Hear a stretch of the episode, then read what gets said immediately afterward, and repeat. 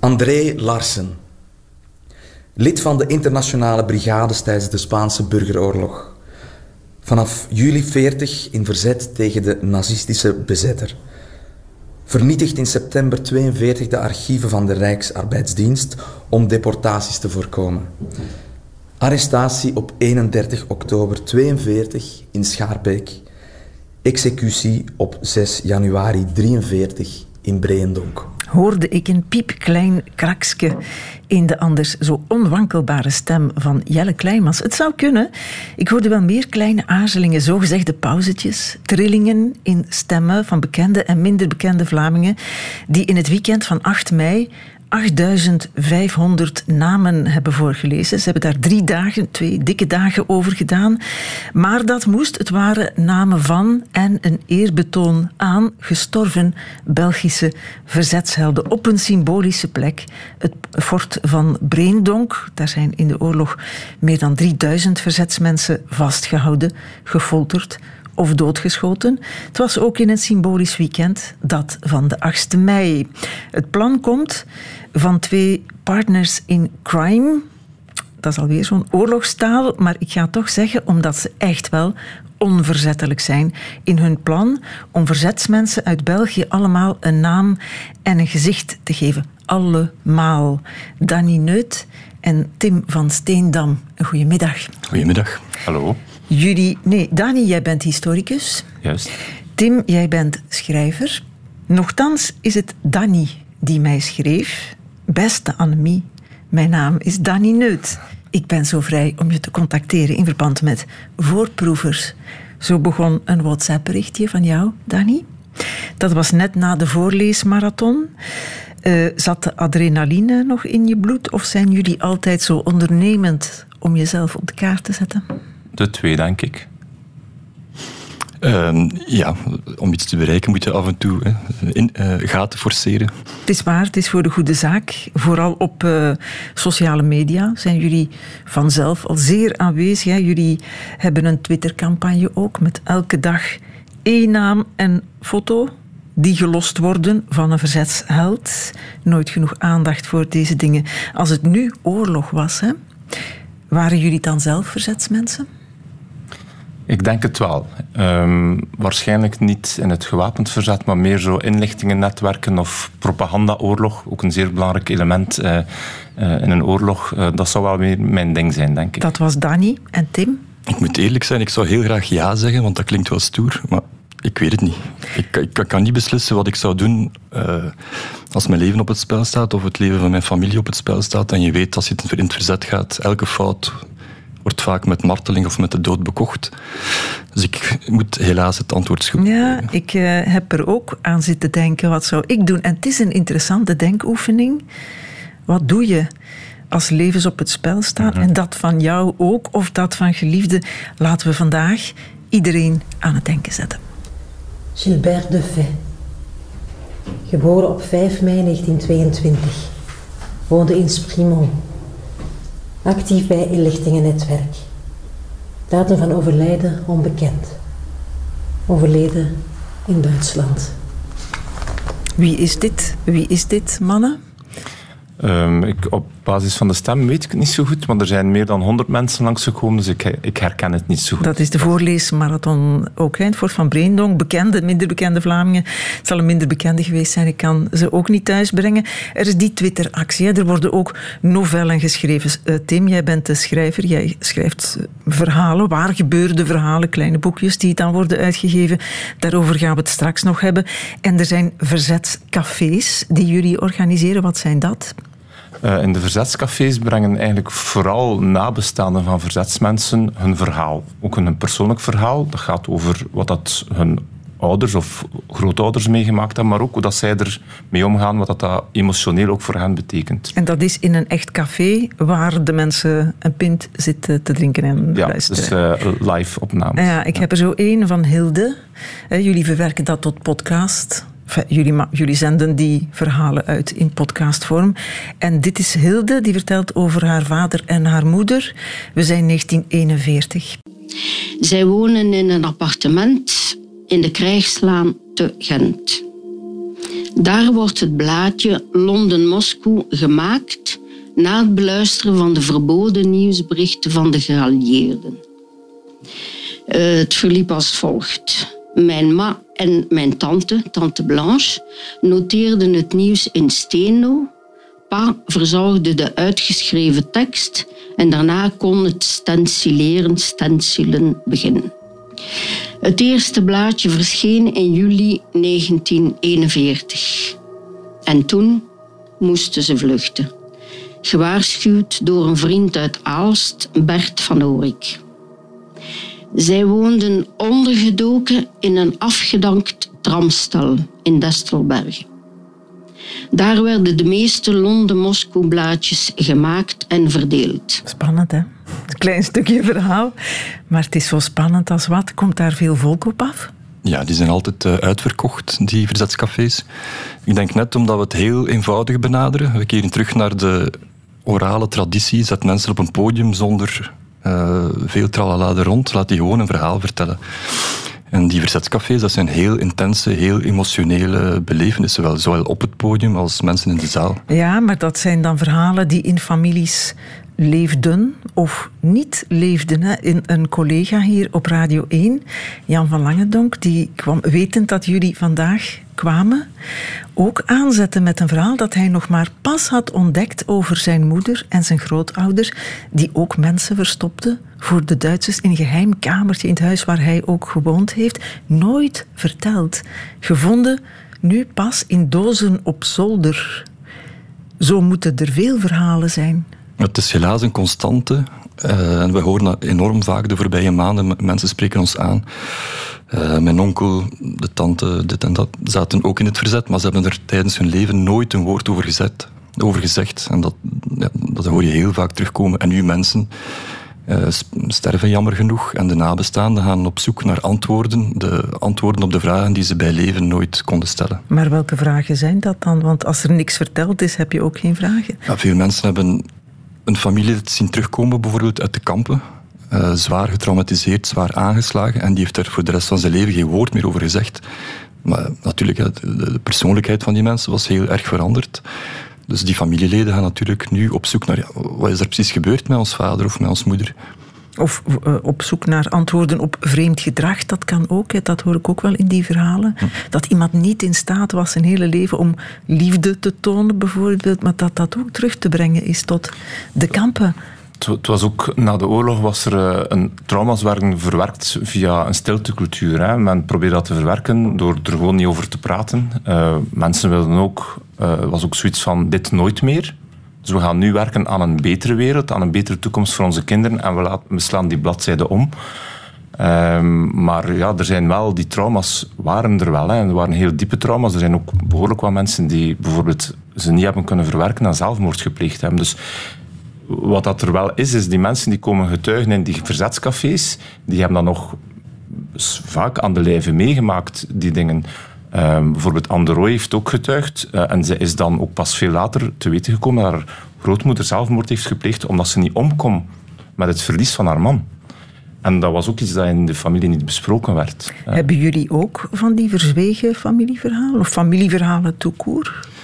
Ik heb uh, in mijn familie, of in dat deel van Oost-Vlaanderen waar ik uh, van afkomstig ben, zijn er heel weinig verzetsverhalen.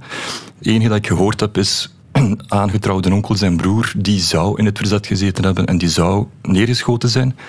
Maar er is nooit iets over verteld en er is, niemand weet er eigenlijk iets van. Dat was Tim die dat zei. Dat was Tim. Dani? Um, mijn, grootvader zat in het verzet en ik ben, het is eigenlijk vooral vorig jaar en al, ik ben mij daar beginnen in verdiepen, omdat daar ook, ik wist daar eigenlijk niet veel over. En het heeft misschien ook te maken met het overlijden van mijn vader, dat je dan een beetje op zoek gaat naar van, ja, van waar kom ik eigenlijk en wat, wat, zijn, wat hebben mijn, mijn voorouders gedaan. Dat zijn de momenten hè, dat je begint te zoeken.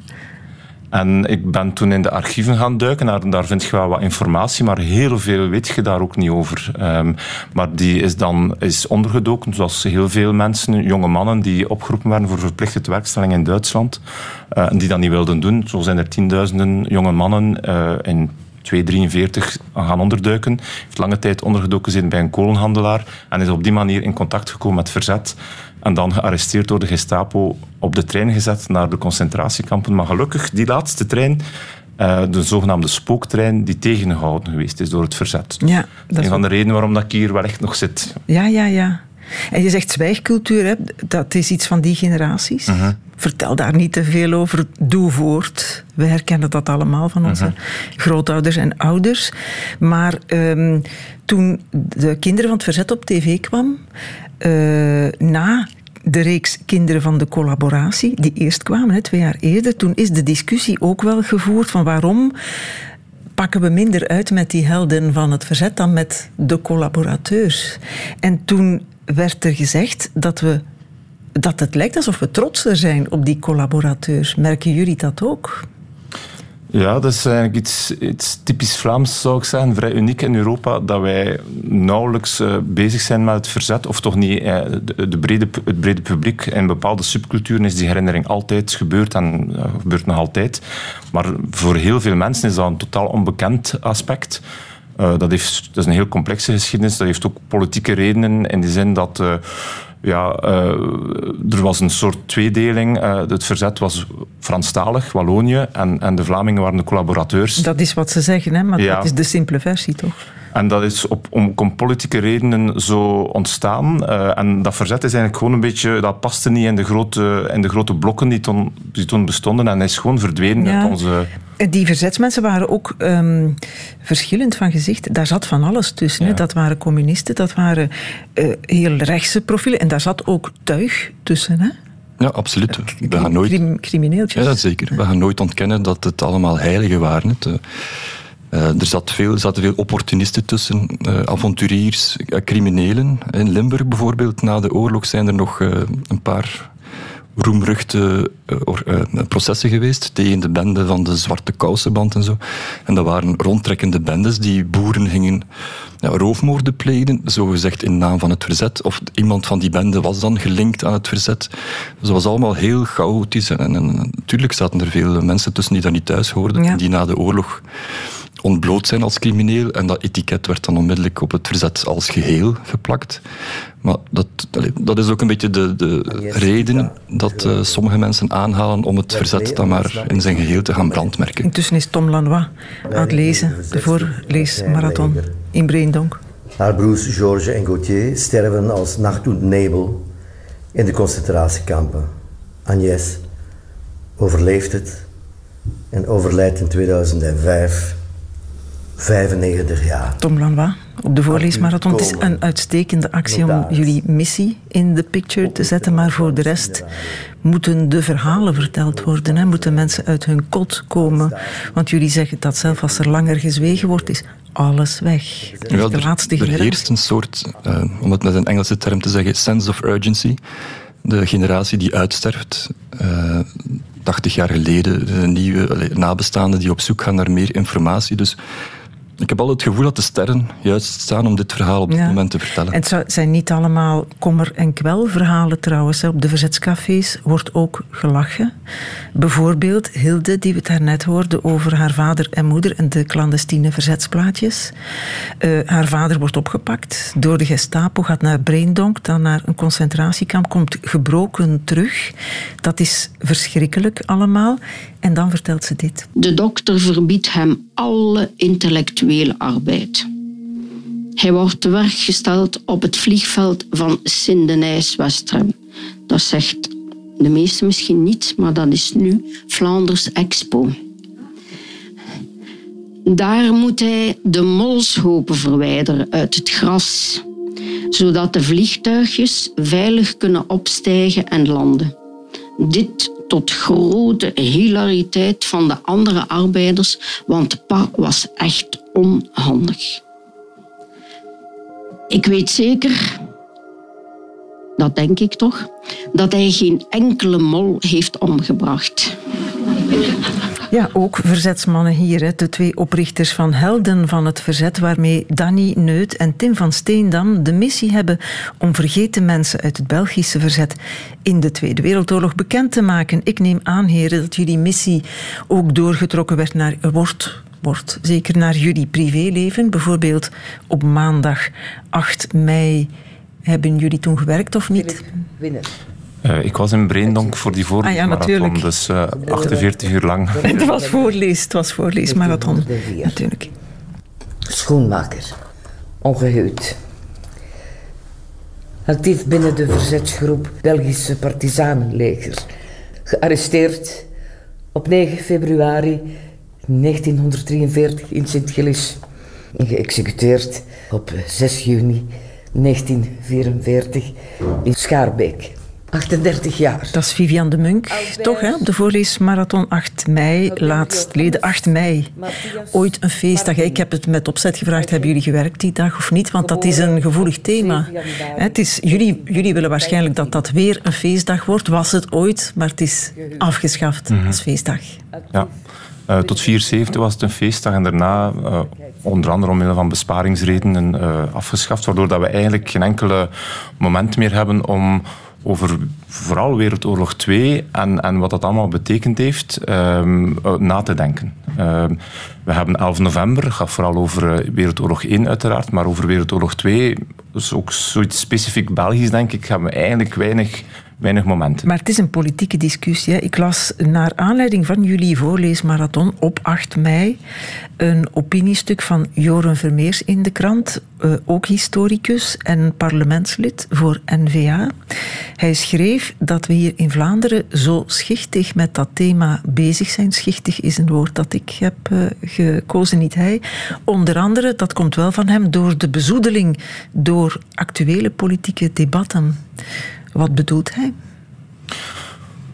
Eh, dat, dat er sommige politieke groeperingen zijn die uh, de herinnering aan het verzet proberen te recupereren. Maar, ik eh, ben het daar ten deel mee eens, maar ten deel ook niet. Net omdat het verzet was heel breed. Je hebt het ook zelf gezegd. Dat er waren van, dat zat van communistisch verzet tot en met uh, eigenlijk wat we vandaag zo noemen extreem rechtsverzet. Uh, er waren allemaal mensen die één gemeenschappelijk doel hadden, met name die nazistische bezetting, daar een einde aan maken.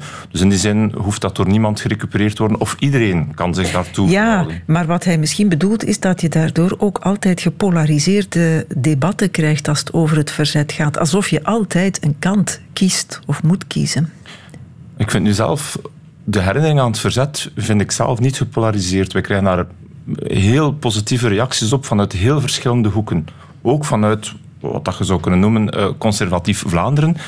Iedereen vindt eigenlijk dat dat een onrechtvaardigheid is dat wij die verzetsmensen, die 15.000 mensen die gestorven zijn, uh, voor onze vrijheid uiteindelijk, uh, dat we die meer, meer moeten herinneren. Er is daar eigenlijk een zeer grote consensus over. Dus jullie missie heeft kans op slagen? Allee, is aan het slagen eigenlijk, hè? Ja, een deel ja. van onze missie is vooral om die herinnering levend te maken door het brengen van verhalen. Ja, en het is ook zo jammer dat dat nog niet gebeurd is. Of dat die verhalen nog zo onbekend zijn. Want in buitenlanden, in Frankrijk, in Nederland, kennen ze verhalen van België in het verzet die wij gewoon niet kennen.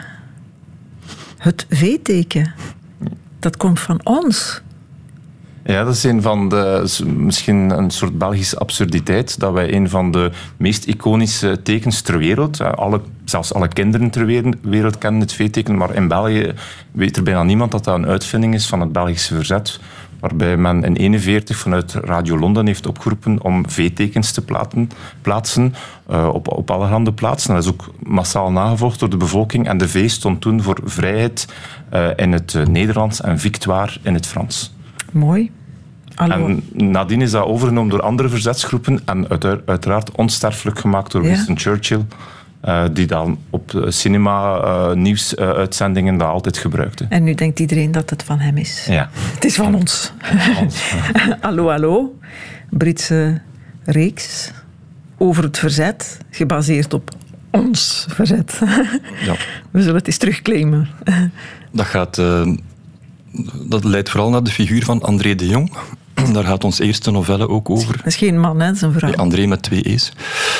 Een onwaarschijnlijk moedige dame, begin jaren twintig, die letterlijk honderden levens gered heeft door een ehm, ontsnappingsroute op te zetten vanuit bezet Europa over de Pyreneeën naar het min of meer neutrale Spanje. Uh, en dat meisje die heeft heel veel Britse, Canadese, Australische piloten het leven gered. En daarom wordt André de Jong ook... Uh, die wordt wel herdacht bij haar dood, want ze is honderd uh, en zoveel jaar geworden. Bij haar dood was er aandacht in de pers in Amerika, in de Anglo-Saxische pers. En bij ons geen woord. Dat is, dat is ongelooflijk, dat is ja. niet, niet te geloven. Tot op de dag van vandaag is er trouwens nog altijd een, een groep, een internationale groep van mensen die haar tocht over de Pyreneeën, haar voettocht, nog altijd elk jaar herhaalt. Maar jullie gaan dan toch mee? Uh, dit jaar gaan we mee, ja. Ah. Want jullie kunnen niet anders, nee. hè? Als voortrekkers van helden van het verzet. Nu, jouw boek, het zijn kleine boekjes, die horen bij de actie ook, hè, bij de verhalen van verzetsstrijders. Je hebt er een tweede geschreven ook, uh, over een Limburgse verzetsstrijder, die jullie straks, deze namiddag, gaan herdenken. Louis Lambrecht, dat is inderdaad een Limburgse naam. Wie is hij? Uh, Louis was een broeder van liefde. Uh, die kwam uit een echte verzetsfamilie. Uh, zes kinderen. en een vrij klassiek, klassieke achtergrond. Vader was kleermaker, ook onder andere voor het Belgische leger. De twee oudste gingen in het leger, Tony en René waren Belgische soldaten. En iemand van de familie moest dan natuurlijk ook intreden, zoals dat uh, destijds ging. Moest dan intreden in een kloosterorde en die heeft zich uh, bij de Broeders van Liefde vervoegd. En die is er eigenlijk tot het einde van de oorlog in het klooster in Brakel uh, gebleven. Dus terwijl de rest van zijn familie echt wel... Tony, zijn broer, was leider, weerstandsleider in Limburg. Was een van de meest gezochte figuren in Limburg. Stond 500.000 Belgische frank op zijn hoofd. Um, maar dan kwam er een razzia in het klooster in Brakel, waardoor broeder Louis eigenlijk de enige was die kon vluchten. Dus 19 um, van zijn medebroeders zijn gearresteerd. En hij was de enige die zo bij uh, opgetrokken op zijn sandalen door de moestuin uh, kon, kon wegvluchten. En zo heeft hij echt helemaal op het einde van de oorlog zijn weg gevonden naar ja, zeg maar de kern van het gewapend verzet in Limburg. Natuurlijk, dat, dat zijn voor mij als schrijver natuurlijk heel interessante figuren om mee aan de slag te gaan. Um, ik, ik wou eerst iets doen over, die, over zijn broer Tony Lambrechts, maar ja, die man is natuurlijk niet heel onbesproken. Die was weerstandsleider, die zal ongetwijfeld moordopdrachten gegeven hebben. Dus ik, vond, ik, vond, ik voelde me daar nogal ongemakkelijk bij om die man te gaan portretteren als hoofdrolspeler. Ja. Maar toen kwam ik op het spoor van zijn broer en dat was natuurlijk een, een godsgeschenk. Ja. Dat je die, die, historie kunt vertellen door de ogen van een, van een broeder. En waar is de herdenking? In de oude gevangenis van Hasselt, want dat is ook een sleutelscène in het boek. Uh, de familie Lambrecht, uh, de vader en de zus waren gearresteerd als gijzelaar, want dat was een methode die ze vroeger wel toepasten. Ze arresteerden de familieleden van gezochte weerstanders. En dus de, de, de, vader en de zus zaten opgesloten in de gevangenis. En toen hebben ze een van de meest gedurfde acties opgezet, namelijk een overval op die gevangenis van Hasselt. Uh, uiteindelijk hebben ze 17 gevangenen kunnen bevrijden, waaronder de vader en de, en de zuster. Helaas zijn er bij die actie ook vijf uh, weerstanders gesneuveld, waaronder een broer van Louis Lambrechts, die buiten stond zonder geweer, want dat was tegen zijn principes. Hij, had een paar, uh, hij met die dilemma's van kan ik geweld gebruiken en mag je geweld gebruiken om een hoger doel te bereiken. En zijn, een van zijn uh, standpunt was van ik wil geen wapen dragen. Ja, dus hij stond buiten aan de gevangenis, hij heeft zijn vader en zijn zus eh, opgevangen en dan met de vluchtauto weggereden. En terwijl ze aan de gevangenis passeerden, hoorden ze het vuurgevecht binnenin, waar hun eigen broer dan ook is omgekomen. Dat wordt straks herdacht. Iedereen welkom nog in dat oude gevang? Om drie uur, ze mogen nog altijd komen. Ja, en gevangenis is lekker cool. Ja, en exact 79 jaar dag op dag in die gevangenis zelf, die nu gerestaureerd is en, of gerenoveerd uh, tot een uh, aula van de U Hasselt. Dat is wel een uh, heel symbolisch, heel speciaal. Ja, het is er een mooie dag voor. Over Limburg gesproken, wij zaten met voorproevers ook dag op dag, een week geleden dan, in het nieuwe Liberation Garden Museum in Leopoldsburg, met ook wat verzetsverhalen, maar ook compleet onbekende verzetsplaatsen. Onder andere een geheim kerkhof, waar executies uh, plaats hadden. En waar verzetsmensen dan in het geheim begraven werden. In de buurt van Leopoldsburg, dat is mijn heimat. Ik ben daar naar school gegaan. Ik heb daar nooit iets over geweten? Ja, ik denk dat voor het executieoord in Hechtel-Exo, waar er inderdaad heel veel mensen om het leven gekomen zijn, is misschien wel een van de symbolen hoe dat wij met die herinnering aan het verzet omgaan. Met name niet, en we onderhouden dat ook heel slecht, want die plek is uh, zeer moeilijk te bereiken. Je vindt het ook bijna niet. Uh, en als je er al geraakt, dan ziet je meteen dat dat eigenlijk wel slecht onderhouden is. Ik vind het zelf een beetje schabouwelijk eigenlijk. Zeker als je het vergelijkt met hoe bijvoorbeeld de Britten de graven van de Britse soldaten in de Westhoek prachtig onderhouden. En het contrast met wat wij doen met die executieoorden, die ook een heel bijzondere betekenis hebben, is echt wel heel confronterend. Maar waar ligt het? Kun je daar naartoe als toerist? Stel, ik ben nu in de buurt van Leopoldsburg, Hechtel, Exel, aan het rondrijden. Ik ben er zelf naar op zoek gegaan, omdat uh, broeder Louis daar ook uh, s'nachts vermoord is en begraven. En het heeft mij echt een tijdje geduurd. Je hebt daar Leopoldsburg, die kazernes, die militaire domeinen. Ja, dat zie ik voor mij. Gigantische bossen, ja. die lange baan. Ja, de lange baan naar Hechtel-Exel. Voilà. En, dan... En, en, dan moet je een beetje op bosklas gaan en, en, en gaan zoeken naar een geheim kerkhof. De GPS helpt niet. Nee. Het staat aangeduid, maar je moet er bijna op, op letten eigenlijk. Ja. Een heel intense plaats, echt. Wie is de eigenaar van dat kerkhof? Ik vermoed dat het een... Uh, het is denk ik onderdeel van het militair, militair domein. Uh, maar dat is een van de, ja, denk ik ook. Um, het is niet altijd geheel duidelijk wie er moet instaan voor het onderhoud. Dus dat zou wel een keer opgeklaard mogen worden. Ja. En, en waarom daar ook niet burgers bij betrekken? Want ik denk dat ook veel burgers, bijvoorbeeld uh, die Britse graven, worden mee uh, vanuit een stichting uh, onderhouden. En dat wordt heel mooi gedaan. Waarom zou je, zouden we ook burgers daar geen rol in geven? Mensen een graf laten adopteren bijvoorbeeld, dat ze dan ook wel een beetje kunnen onderhouden. Ik denk dat daar heel veel draagvlak voor is. Ja, ze durven intussen niet anders meer als ze de radio hebben aanstaan in Leopoldsburg en Hechtel Exel. Hm. Um, nog zo'n plek en ook een prachtverhaal. Mijn vriend die woont in Haagt, pal op de grens met Boortmeerbeek. Wij gaan daar dikwijls wandelen langs het spoor. Daar staat een uh, bordje uh, over het 20e konvooi, waar jullie het al over hadden. Het enige konvooi dat van Breendonk ging naar Duitsland en dat is tegengehouden. Uh, en dat ook elke 19e april herdacht wordt op het gemeenteplein van Boortmeerbeek. Zeer ontroerend, moet ik zeggen. Ik ben daar ooit aan stommelings opgestoten. Uh, er is ook een boek over, maar dat is ook een prachtverhaal van drie zeer jonge mensen hè, die dat hebben gedaan. Ja, die ook, um, uh, het was eigenlijk vooral Jura Lifchits, uh, uh, die vanuit Oekraïne met zijn ouders gevlucht was. ook een beetje symbolisch natuurlijk vandaag. Um, die, die dat idee had, maar zelfs de verzetsgroeperingen vonden het een te gek idee om te doen omdat niemand durfde eigenlijk tegen die treintransporten die rechtstreeks naar Auschwitz gingen, durfde daar tegen iets te ondernemen. En zij hebben dat wel gedaan, met z'n drieën. Uh, vrij succesvol. Er zijn toch een 250-tal mensen kunnen ontsnappen. Goed, er zijn er ook uh, daarna uh, 90 opnieuw opgepakt, denk ik, en een dertigtal ter plekke neer, neergeschoten. Maar toch, allee, een, een flink aantal mensen kunnen ontsnappen en ook ons, allee, zijn, zijn kunnen onderduiken dan. Onder andere bijvoorbeeld uh, iemand die nog altijd in leven is, Simon Gronowski. Als elfjarige is daar kunnen, heeft zijn mama eigenlijk gezegd van kijk, stap hier maar Ja, uit. ja. En zij is blijven zitten en is verder gereden. Ja, ja, en die komt ook hè, na die herdenking. Maar hier wordt er wel herdacht hè, met, veel, met veel toewijding. Dat zijn mooie dingen Zeker. die gebeuren. Um, ik denk dat het, eh, het 20ste konvooi of de, de, de ontsnapping uit het 20ste konvooi is een van die mooie, mooie uh, herinneringen die nu ook wel wat ruimere bekendheid krijgen. Dat is wel zo. Het is, in die zin is het. Uh, er is wel al langere tijd een, een, positieve evolutie merkbaar in hoe dat we met dat verzet omgaan. En het 20ste konvooi is daar een mooi voorbeeld van. Het wordt ook verfilmd uh, binnenkort. Dus um, dat is wel mooi allemaal. Ja, en zo zijn er ontzettend veel prachtige verhalen. Ik ga nog even terug naar de voorleesmarathon en nog even naar Vivian de Munk. Juliette Herman, leerkracht. In de jaren dertig was zij actief bij het Comité Mondial Femmes contre la Guerre et le Fascisme. Ze verzet zich vanaf 1940 tegen het nazisme. In mei 1941 organiseert ze een vrouwenbetoging.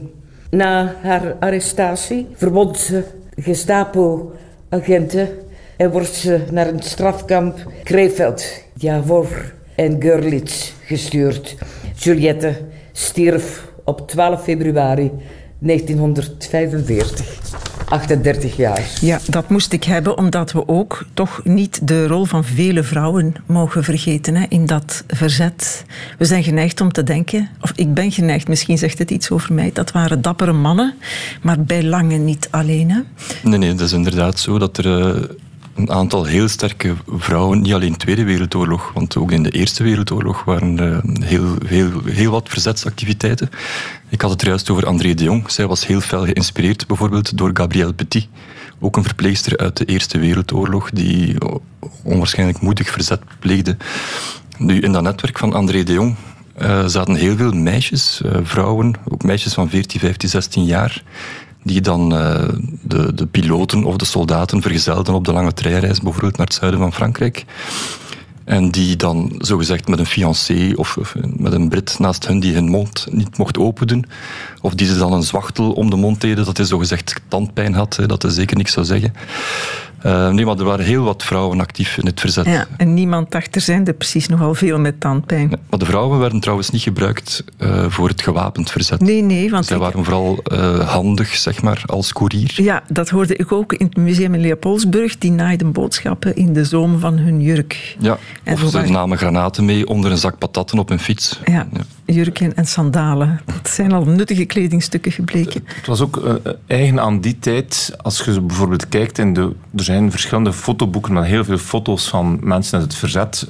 Allee, het aantal vrouwen daar zijn te tellen op één hand. Het was denk ik toen een soort mannensamenleving. En wat dat de vrouwen gedaan hadden, is denk ik niet naar voldoende waarde. Allee, men besteedde daar niet voldoende waarde aan. Dat is ook wel een van de dingen die wij willen doen, is ook die vergeten mensen. Allee, het verzet in zijn algemeenheid is, is, ver, is vergeten, maar binnen het verzet zijn er heel wat verschillende groepen die daarin actief waren en die eigenlijk nooit uh, die, uh, de erkenning gekregen hebben die ze verdienen. Onder andere zijn ook nu verschillende boeken uh, uitgebracht over bijvoorbeeld het Congolese verzet, mm -hmm. dat compleet vergeten was. Het, het, klinkt alsof dat alleen maar Belgen waren die in het verzet waren, maar er waren ook heel, heel veel andere mensen die daarin actief waren. Maar dat was com echt compleet vergeten. En dat wordt nu weer allemaal naar boven gehaald, wat dat wel heel fijn is. En Joodse mensen natuurlijk Absoluut. ook. Hè. Ik heb daar, het komt mij uit, maar ik heb nu net een verhaal. Want ik dacht eerst, het is aan de oudere generatie om met uh, de verhalen naar boven te komen. Maar in jullie verzetscafés komen soms ook jongere mensen. Uh, in Gent uh, is er een café geweest en daar trad Yuri Puissant op. Die kwam over zijn grootmoeder vertellen, die in het verzet zat. Ze heet Rachel en ze is Joodse. Hè? Ja. Ze was Joodse. Ze was samen met een Nick. Ik probeer het een beetje te plaatsen, het verhalen. Ze zitten allebei in het verzet. Hij wordt opgepakt, terechtgesteld. En daar begint het verhaal van Yuri. Als er iets is dat je uit mijn verhaal onthoudt, dan zou ik graag hebben dat dit is. Ook al klinkt het nauwelijks te geloven. Toen, ondanks haar angst, haar verdriet en haar woede, ging ze ervan uit dat de mensen die haar haten en vervolgden ook gewoon mensen waren. En daar redden haar leven. Rachel liep in een valstrik. Ze kon op de meer om voedselbonnen voor haar kinderen. Maar toen ze het gebouw binnenkwam, riep de man aan de deur: Jodien! Haar voorgevoel was dus toch juist. Doe me toch. Ze werd tussen twee Vlaamse SS'ers op pad gestuurd. Rachel haalde alles uit de kast. Ze praten op en in, in het normaal Antwerps. Je ziet toch dat ik geen vijand van de Vlamingen ben, zegt Rachel tegen hem. Laat me toch vrij, proberen ze verder. Bij, bij de Vlaamse essays, dan, dan zijn jullie toch idealisten. In haar verhalen is ze pijnlijk eerlijk. De Vlaamse SS'ers die gaven haar uiteindelijk een kans om te vluchten toen ze in haar plaats een oude Joodse man op straat meepakte. Rachel rende toen de ziel uit haar lijf en ontsnapte. Yuri is hoogelijk ontroerd terwijl hij dit vertelt door de heldendaden van zijn grootmoeder. Mm -hmm. Dat zijn die verzetscafés zijn heel intens. Je hoort het ook, hè? het zijn heel intense uh, momenten. Ja. Ja. Moet je daarvoor inschrijven? Uh, ja, maar misschien moeten we de zalen iets groter maken binnenkort. Dan zijn het geen cafés meer. Ja. Dan zijn het culturele centra, dat is niet zo gezellig. Maar er, er, staan er, eh, er staan er nog in het najaar verschillende gepland. In Brugge, in Brussel, in Mechelen, uh, in Antwerpen en Gent. Uh, dus mensen kunnen dat via onze Facebookpagina Helden van het Verzet. Uh, daar worden Facebook-evenementen gemaakt. Er staat nu maar eentje, maar binnenkort komen er nog wel meer online. En mensen kunnen zich op die manier inschrijven. Checken, ja, checken jullie die verhalen op voorhand? Of kun je komen vertellen wat je wil?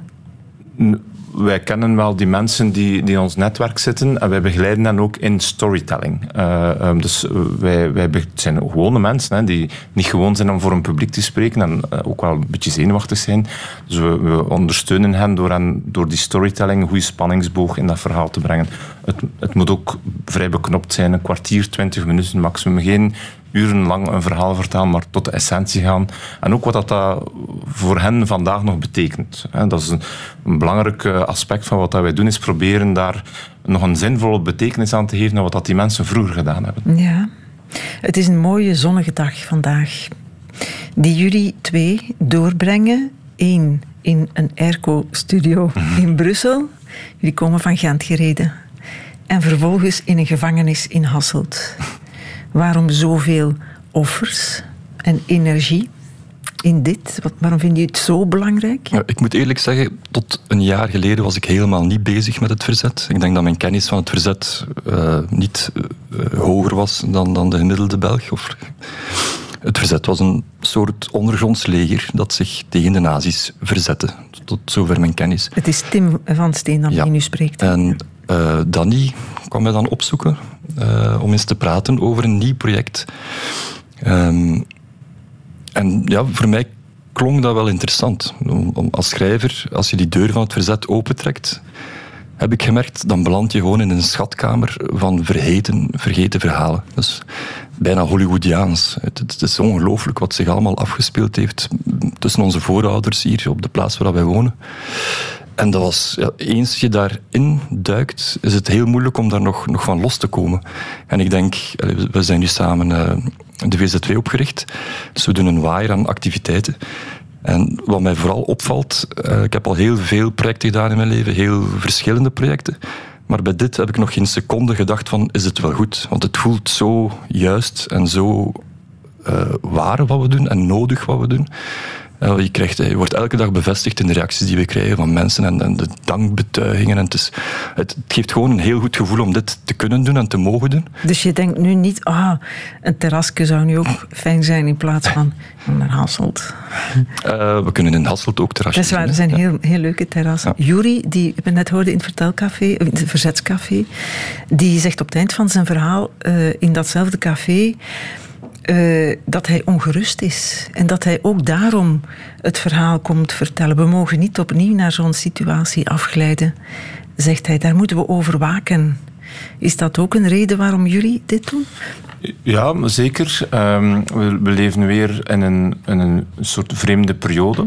Hè, waarbij bijvoorbeeld uh, een, een grootmacht als Rusland een Oekraïne binnenvalt en probeert te veroveren. Maar er zijn ook heel veel andere. Er zijn heel veel complottheorieën bezig. Heel ja, de opkomst van extreem rechts kunnen we daar ook uh, on, onder vatten. Dus ik, voel daar een zekere onrust uh, die ik probeer een plek te geven. En ik denk dat dat ook is waarom dat veel mensen uh, zich wel aangetrokken voelen door het project. Omdat we met, met velen een zekere onrust voelen en ook niet altijd weten wat daar de oplossing voor is. Nee. De oplossingen zijn ook niet eenvoudig. Ja, het is een soort van engagement ook. Hè. Ja. Ik, ik, las ook Tineke Beekman ook over jullie actie in de standaard. Op burgerschap moet je voorbereid worden.